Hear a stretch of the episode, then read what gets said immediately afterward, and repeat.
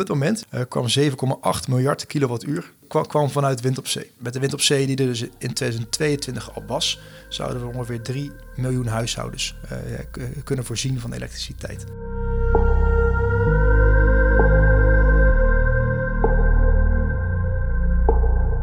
Welkom bij Met Groene Kracht vooruit. De podcast waarin we vol in de energietransitie in de Rotterdamse haven duiken.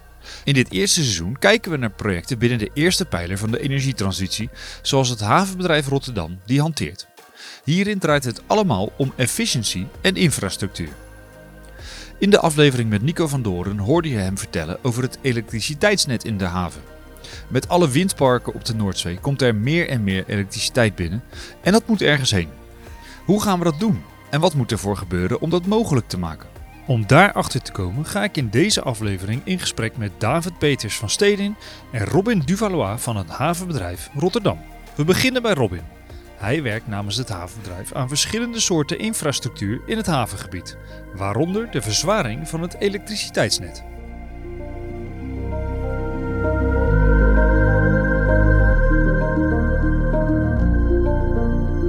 Laten we beginnen bij het begin. Hoe ziet het huidige elektriciteitsnet er nu uit? Ja, het, het is, het is een complex netwerk uiteraard, want het is, uh, het is uiteindelijk heel erg fijnmazig. Um, en je kan het zien als dat er door heel de haven heen de stations, transformatorstations en kabels liggen. Um, en wij ook onderscheid kunnen maken op vers, uh, verschillende spanningsniveaus. Dus er is ook een verschillende rolverdeling tussen, tussen partijen. Mm um, bijvoorbeeld Tennet, uh, die houdt zich vooral bezig met het hoofdtransport. Uh, echt het grote transport van uh, hoeveel, grote hoeveelheden energie. Um, en dat um, vindt dan plaats op een spanningsniveau van 110.000 volt of 110 kilovolt, noemen we dat. Ja. Um, waarbij steden zich juist meer richten op de distributie. Dus uh, de, de, de, lagere niveaus en uiteindelijk tot aan je huisaansluiting gewoon ook bij jou thuis, zeg maar. Ja. Dat, is, dat zien we hoe het, hoe het hier is geregeld. en door de haven heen staan dan ook uh, overal verspreid ja, schakelstations, uh, spanningsstations. Um, en hebben alle bedrijven uh, aan, aansluitingen. Ja. En hoe verschilt dat havennet dan met het elektriciteitsgebruik thuis? Ik kan me voorstellen, thuis hebben we ja, 220 volt meestal natuurlijk. Hoe zit dat dan in de haven? Ja, het is, het is van een hele andere orde grootte.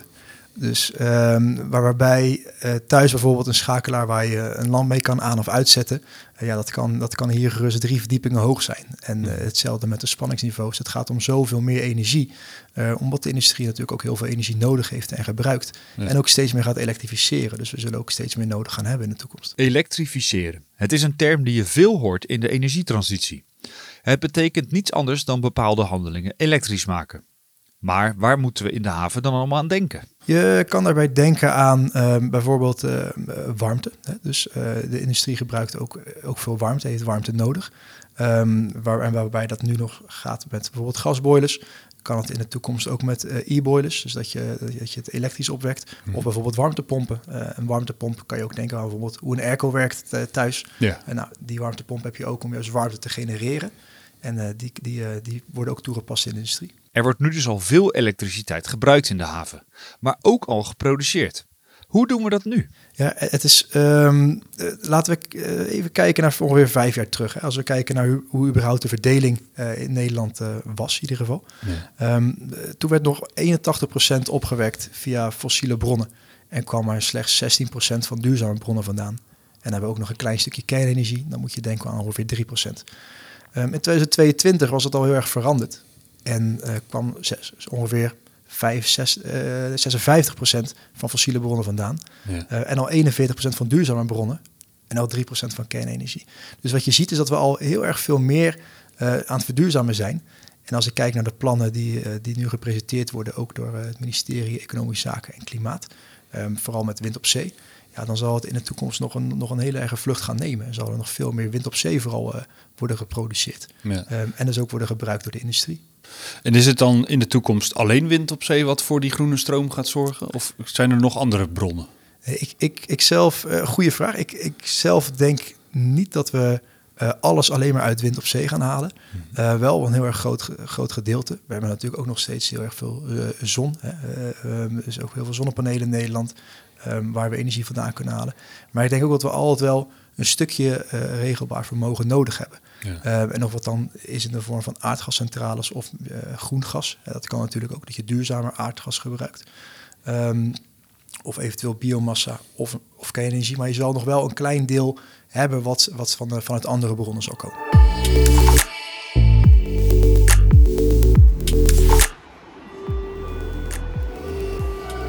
We komen zo terug bij Robin over het elektriciteitsnet in de haven. Maar eerst gaan we even op bezoek bij Steden. Bij David Peters om precies te zijn. Hij zit in de raad van bestuur bij Steden en is Chief Transition Officer. In deze functie is hij dagelijks bezig met de energietransitie. Je hoorde het Robin zojuist al zeggen. Tennet houdt zich bezig met het hoofdtransport van elektriciteit op hoogspanningsniveau en Stedin richt zich meer op de distributie naar de lagere niveaus.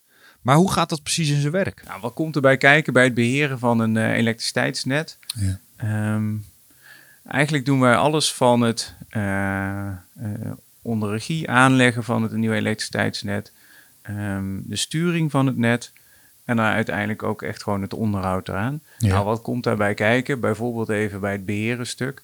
Wij maken van eigenlijk van alle componenten allerlei faalcurves.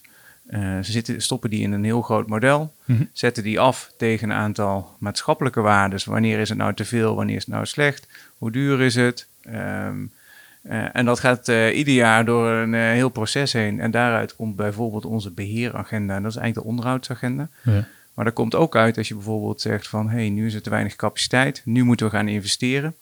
En dan gaan we aan de slag met die investeringen. Ja. Uh, dus dat doen we allemaal. En um, wat is er nodig om het elektriciteitsnet klaar te krijgen voor de energietransitie? Of ja. is die al klaar misschien?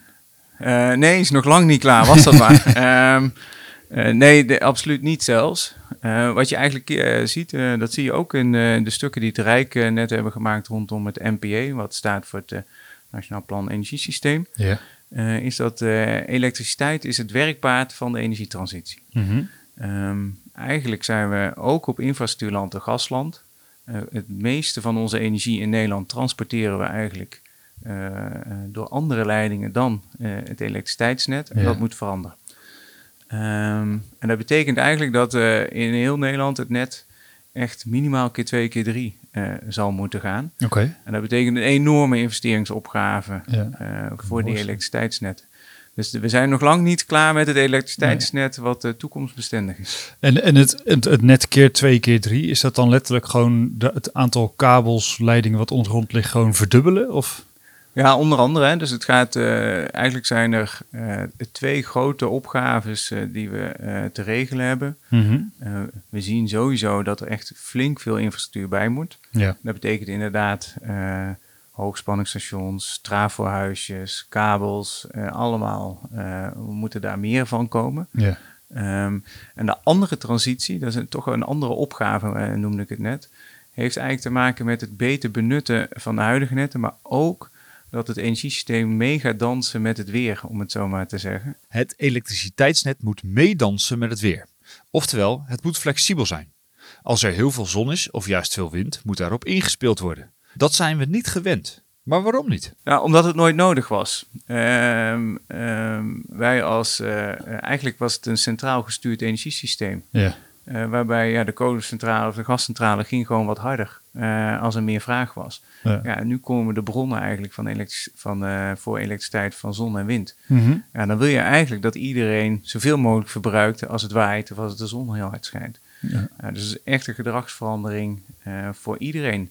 En bij bedrijven, dus in het, in het havengebied specifiek, zie je eigenlijk dat iedereen altijd beloond werd op een baseload noemen we dat uh, technisch. Maar dat is eigenlijk gewoon zo vlak mogelijk verbruik. Oké. ja. En dat paste goed in het oude energiesysteem, maar het nieuwe energiesysteem niet meer. Nee, nee, maar hoe gaan we daar in de toekomst naar kijken dan? Wat, wat is daar de oplossing voor? Nou, de, um, um, je zult zien dat we eigenlijk veel meer moeten gaan reageren uh, op, op eigenlijk de prikkels die het weer of die het energiesysteem ons geven. Ja. Uh, en dat betekent dus eigenlijk dat je uh, productieprocessen, eh, moet gaan flexibiliseren, noemen we dat. Ja. Een makkelijk voorbeeld is daar bijvoorbeeld bij, wat iedereen eh, kent tegenwoordig, de elektrische auto, en moet zijn auto eh, eh, opladen. Ja. Nou, wat is flexibilisering? Dat is gewoon als je s'avonds thuis komt en je eh, stopt de stekker in je auto, hoef je niet direct die auto helemaal vol te hebben. Nee. Je kunt ook zeggen, ik stel het even uit tot de nacht, wanneer er voldoende capaciteit is, bijvoorbeeld. Ja. Of juist, ik ga het doen op het moment dat er heel veel zon is. Ja. Dus eh, in de middag bijvoorbeeld. Nou, daarop aanpassen, dat hoort bij flexibiliseren. Dan even een, een, een doemscenario. Stel nou, het is een hele windstille dag en het is heel bewolkt. Wat, is er dan nog een, eh, een oplossing met bijvoorbeeld opslag van elektriciteit? Of? Ja, daar wordt naar gekeken, want het is natuurlijk eh, eh, wel de bedoeling dat er dan gewoon elektriciteit is Ja, op zo'n dag. En, en die gaan ook voorkomen in ons grijze Nederland. Ja. Ehm, dus da- da- daar, zijn, daar anticiperen we op hoe we daar het beste mee omgaan. Daar, daar doen we bijvoorbeeld eh, allerlei landelijke verkenningen voor om, Mhm. om daar zo goed mogelijk op te anticiperen. Ja. En opslag is daar inderdaad een onderdeel van. Het elektriciteitsnet in de haven is complex. Maar ik vraag me af, is dat net zo complex als onder een woonwijk? Of juist veel complexer? complexiteit van het elektriciteitssysteem zit eigenlijk erin dat vraag en aanbod altijd exact hetzelfde moet zijn. Ja. Bij gassystemen heb je daar eigenlijk veel meer marge in, eh, meer buffering automatisch in het systeem zitten. Ja. Eh, en dat maakt eigenlijk het elektriciteitssysteem eh, heel complex. En dan maakt het niet uit of dat je in de haven eh, of in een, in, in een woonwijk zit. Want overal moet vraag en aanbod altijd gematcht zijn. Ja. Ehm, wat wel anders is, is bijvoorbeeld de, de vermogensvragen. Dus de vraag naar elektriciteitscapaciteit van bedrijven in het havengebied zijn heel veel groter dan van, van een enkele woning. Mhm. Eh, en dus komt dat inzicht van wat er gebeurt in een haven is eigenlijk veel, eh, veel belangrijker. Ja. Eh, want als er één in de woonwijk één iemand iets anders doet, dan zie je dat niet als je alles optelt of wegmiddelt. Nou, als er iets gebeurt in het industrieel cluster, dan wel. We horen soms ook wel eens de laatste tijd veel over dat het net vol is. Ja. Wat betekent dat precies? Nou, wat je eh, eigenlijk zoals het is, hè? Het, het zit vol. Ja. Eh, we staan in de file op het net, om het zo maar te zeggen. Mhm. Ehm, wat daarbij zit, ik denk dat is belangrijk om te zeggen. ehm, wij kijken naar eh, de huidige situatie. En dat is niet wat we hebben verkocht, maar gewoon echte belasting eh, op dat moment. Mhm. En wat we er nog verwachten, wat erbij komt door contracten die zijn getekend al. En als dat zeg maar meer is dan wanneer de verzwaring klaar is, dan zeggen we dat er eigenlijk niks meer bij kan. En dan zit het net vol. Er zijn dus verzwaringen nodig om het net geschikt te maken voor de toekomst. En daar is weer tijd voor nodig. Maar over hoeveel tijd hebben we het dan? Dat hangt er vanaf eh, van op welk eh, eh, spanningsniveau. En netvlak noemen wij dat als techneuten. Ehm, en bijvoorbeeld de- de- in het havengebied is eigenlijk het belangrijkste het hoogspanningsnet om dat goed te krijgen. En daar kijk je soms tegen wachttijden aan van 10 tot 15 jaar. En dit is denk ik wel belangrijk. Het is maar twee jaar bouwen vaak. En die andere tijd, de resterende tijd van die 10 tot 15 jaar, zit hem echt in eh, eigenlijk ruimte voor de infra. Dus bestemmingsplanwijzigingen, Ja. eh, omgevingsmanagement, tracés zoeken, ruimte zoeken. Ja. Eh, dus ik zeg wel eens van, eh, we zijn eh, eh, tien jaar aan het lullen en twee jaar aan het bouwen. En we zouden iets minder moeten lullen en iets meer moeten bouwen. Ja. Maar dit zijn ook allemaal achtertuinen en weet ik wat van mensen. Dus je moet dit wel zorgvuldig Ja, doen. het hoort erbij. Ja. Ja. Stedin werkt veel samen met Tennet om het elektriciteitsnet op orde te houden. Hoe zit die samenwerking met hun precies in elkaar? Ja, wat je ziet is dat daar de samenwerking steeds intensiever wordt, omdat er zo'n enorme eh, uitbreidingsopgave eh, is. Ja, en je kan niet bij een snelweg een oprit bouwen zonder dat de snelweg er is. Dus je zult dat altijd goed in overeenstemming met elkaar moeten doen. Wat is wanneer klaar en, eh, en wanneer ja, moet steding klaar zijn als eh Tenet klaar is. Ja. Dus door de afgelopen jaren heen zie je dat die samenwerking steeds intensiever is. Eh, om er maar voor te zorgen dat we het maximale eruit halen voor, eh, voor het industrieel cluster. Je hebt het woord wellicht al eens gehoord in het nieuws of gelezen in de krant. Congestiemanagement. Ik vraag me af, wat is dat? Congestie gaat dus eigenlijk over file op het elektriciteitsnet. Daar Mhm. gaat het over.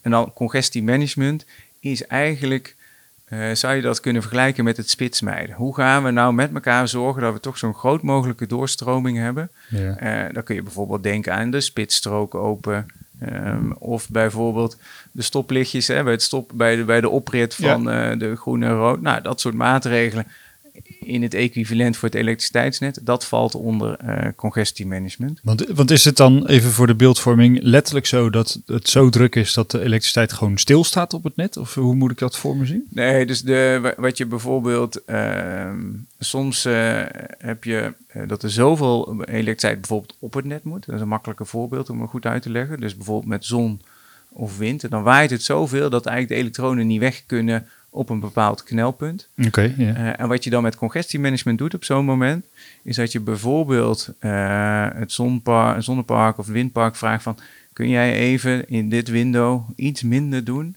uh, zodat eigenlijk we de, de installaties niet overbelasten, omdat we de elektronen niet wegkrijgen. Ja, precies. Als je dat niet doet, dan loopt bijvoorbeeld de spanning op. Hè? En dan krijg je dus dat er uh, hogere spanningen zijn. En dat, dat, is niet goed voor de apparaten die aan het net zitten. Nee, precies. En wat, wat kan er dan met die apparaten gebeuren? Voor de... nou ja, dus wij hebben bijvoorbeeld uh, in de woonwijken, is hier het makkelijkste voorbeeld in deze.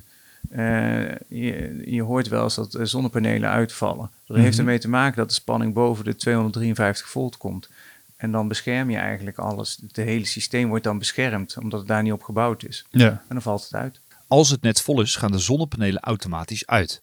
Op een zonnige dag zou dat zonde zijn. Zijn daar wellicht andere oplossingen voor? Daar zijn twee dingen om op te zeggen. Dus als je uh, op bedrijven uh, op lood uh, zonnepanelen hebt bijvoorbeeld... en je kan het zelf gebruiken, dat is supergoed. Hè? Dus zoveel mogelijk zelf gebruiken is eigenlijk altijd... het beste. Ja, en dat kan altijd. Ja. Je, je, zou het ook nog lokaal kunnen gebruiken. Hè? De, maar het gaat er vooral op dat je het eigenlijk niet het net opstuurt op het moment dat het niet kan. Mm-hmm. Lokaal gebruik kan dus altijd. Um, nou, en dan moet je checken of dat het net het aan kan. Uh, of dat er ergens plekken zijn waar dus er een knelpunt ontstaat. Ja. ja en als dat niet gaat, dan uh, moet je kijken van wanneer kan het wel, wanneer is de verzwaring gereed. Of kun je het toch lokaal opslaan of zoiets dergelijks. David had het eerder al even over de gebieden die aangesloten gaan worden. Hoe bepaal je welk gebied als eerste aangesloten wordt? Zijn er wellicht voorrangsregels? Wij zijn in heel ons verzorgingsgebied uh, gewoon non-stop aan het werken. Dus niet overal. Het is niet dat wij non-stop moeten prioriteren uh, en, en, dat soort dingen. Mm-hmm. Waar de prioriteringsdiscussie het vaakst voorkomt, is natuurlijk wanneer je ergens tekort aan capaciteit hebt. Um, en er komt wat capaciteit vrij. Wie mag dan als eerste aan, aansluiten? Tot op heden is dat eigenlijk altijd onder het mooie adagium first come, first serve. Degene ja. die als eerste komt, die krijgt ook uh, als eerste de, uh, de aansluiting. Ja. Op het moment dat we dit nu opnemen, is onze toezichthouder, de ACM, is bezig met een reactie, een constatatiereactie van hoe zou je dat anders kunnen doen. Mm-hmm. Um, en die hebben een aantal criteria toegevoegd waarop je op een andere manier zou kunnen uh, prioriteren.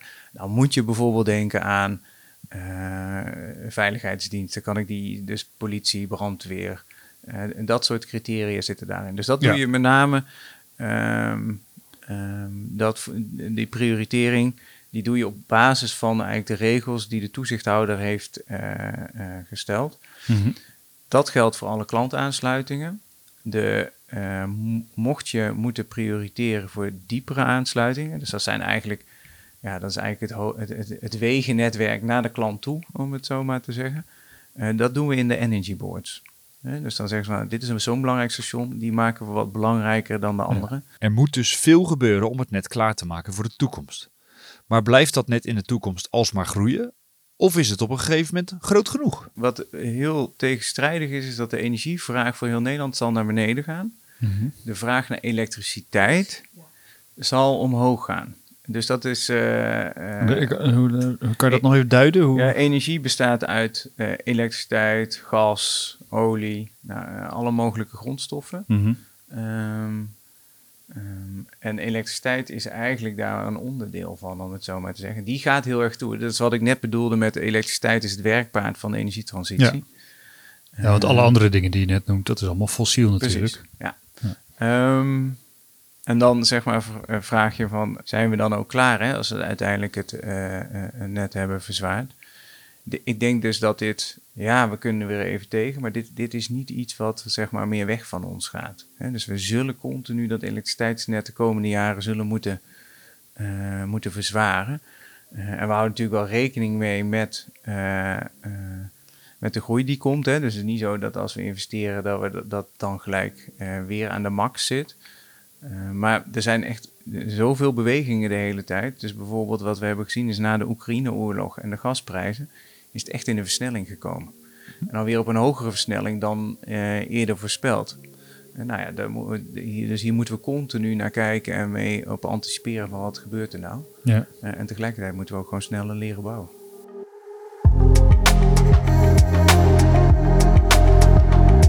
We zijn weer terug bij Robin Duvalois van het havenbedrijf Rotterdam. Hij vertelde eerder in de aflevering al dat er in de toekomst heel veel stroom van windparken op zee komt. Maar over hoeveel stroom hebben we het dan? In, um, op dit moment, dus in, uh, pak even de cijfers van 2022, uh, kwam 7,8 miljard kilowattuur. Dat is echt heel erg veel. uh, kwam vanuit wind op zee. Een gemiddeld huishouden uh, verbruikt ongeveer nou, 2500 kilowattuur uh, per jaar. Dus met, met de wind op zee die er dus in 2022 al was, zouden we ongeveer 3 miljoen huishoudens uh, kunnen voorzien van elektriciteit. Ja. Um, nou, als we kijken naar de haven van Rotterdam, dan werd daar al ja, 7,3 miljard kilowattuur verbruikt, gebruikt. Dus um, eigenlijk net iets minder dan wind op zee opwekt. Maar dan heb je wel een beetje een indicatie van over hoeveel energie we, we, ja, we in de haven praten, zeg maar. 7,9 miljard kilowattuur aan stroom in 2022. Dat is nogal wat, zoveel stroom. Hoe komt dat nu binnen? Ja, die, um, we hebben uh, recent een, een eerste uh, aanlanding, uh, 1,4 gigawatt aanlanding erbij, zeg maar. Ja, waar staat die? die, die de Maasvlakte de 2 en dan de, de, noord, de noordkant, zeg maar. Oké. Ja. Dus je moet helemaal heel de Maasvlakte helemaal afrijden. Heel, en dan, heel de dan Maasvlakte helemaal afrijden en dan, ja. uh, en dan kan je het station, de, station van Tennet zien. Ja. Um, en we hebben nog, um, we, we, verwachten er nog drie aanlandingen van 2 gigawatt bij te krijgen mm -hmm. uh, tot ongeveer 2031.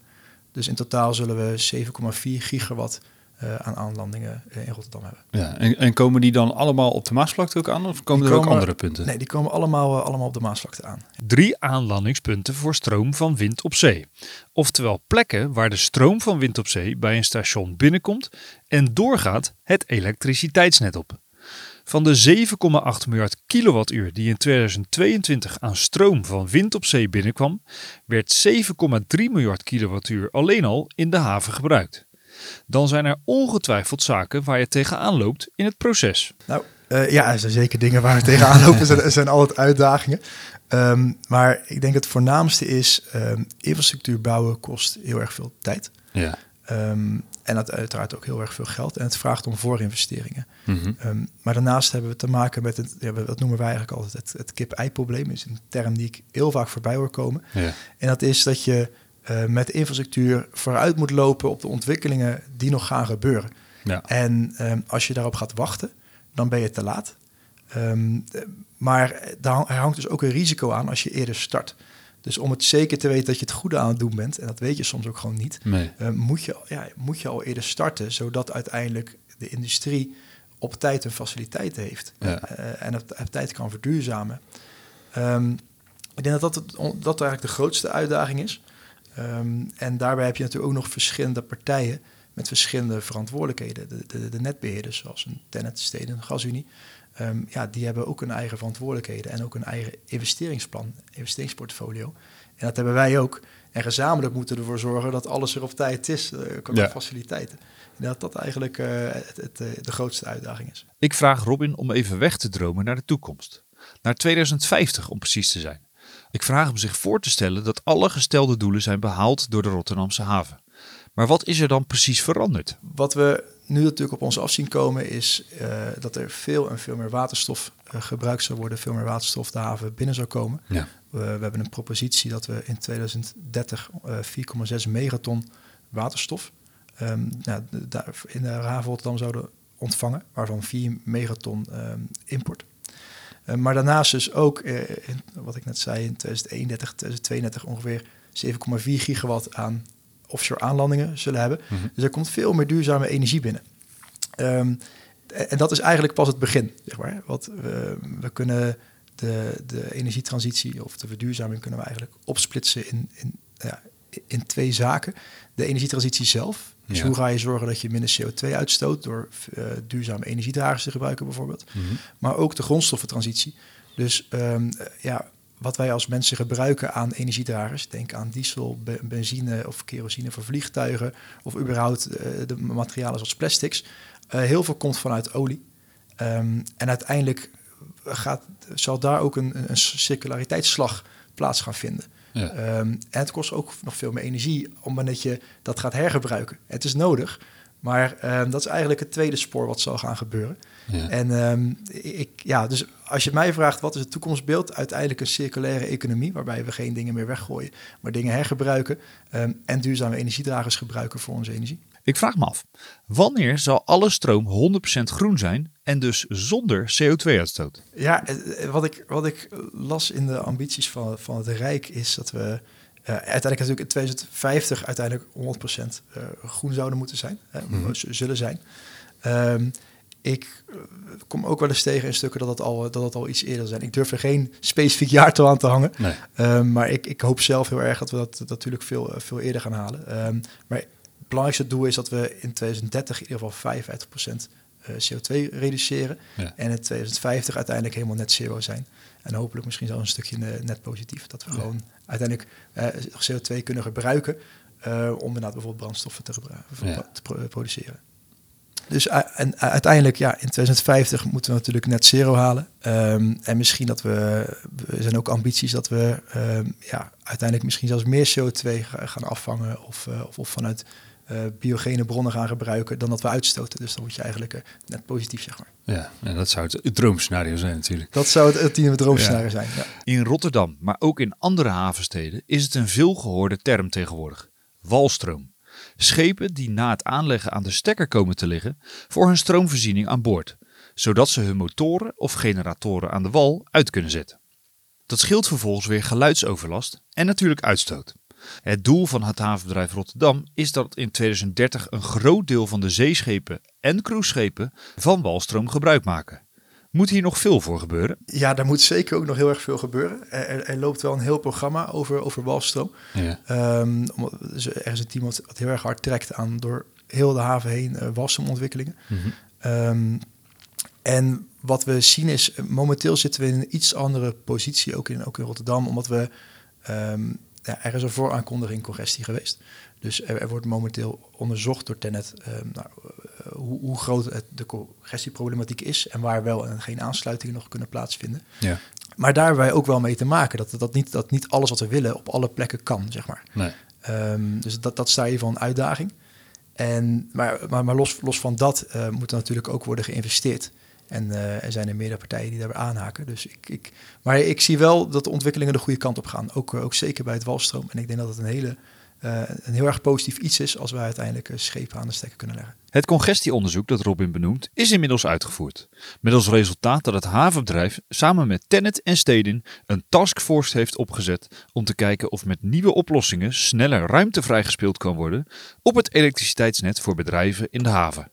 De volledige uitkomst van het onderzoek is te lezen op de website porterofrotterdam.com slash groene kracht.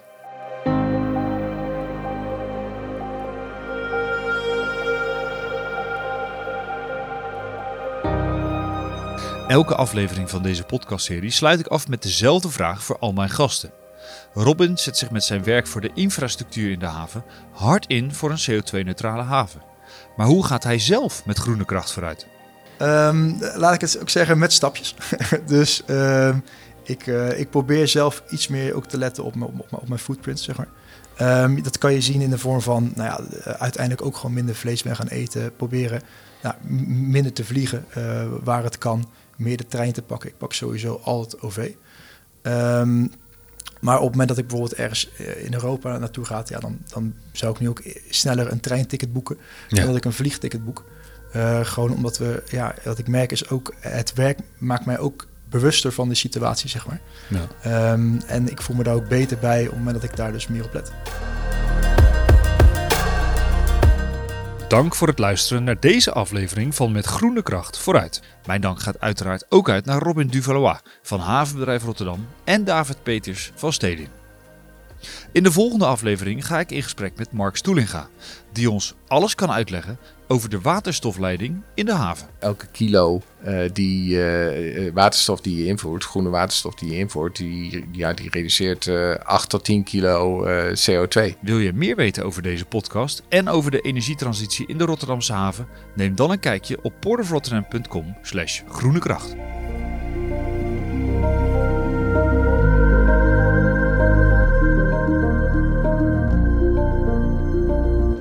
Krijg je geen genoeg van onze podcast? We hebben er nog veel meer voor je klaarstaan op porterofrotterdam.com slash podcast.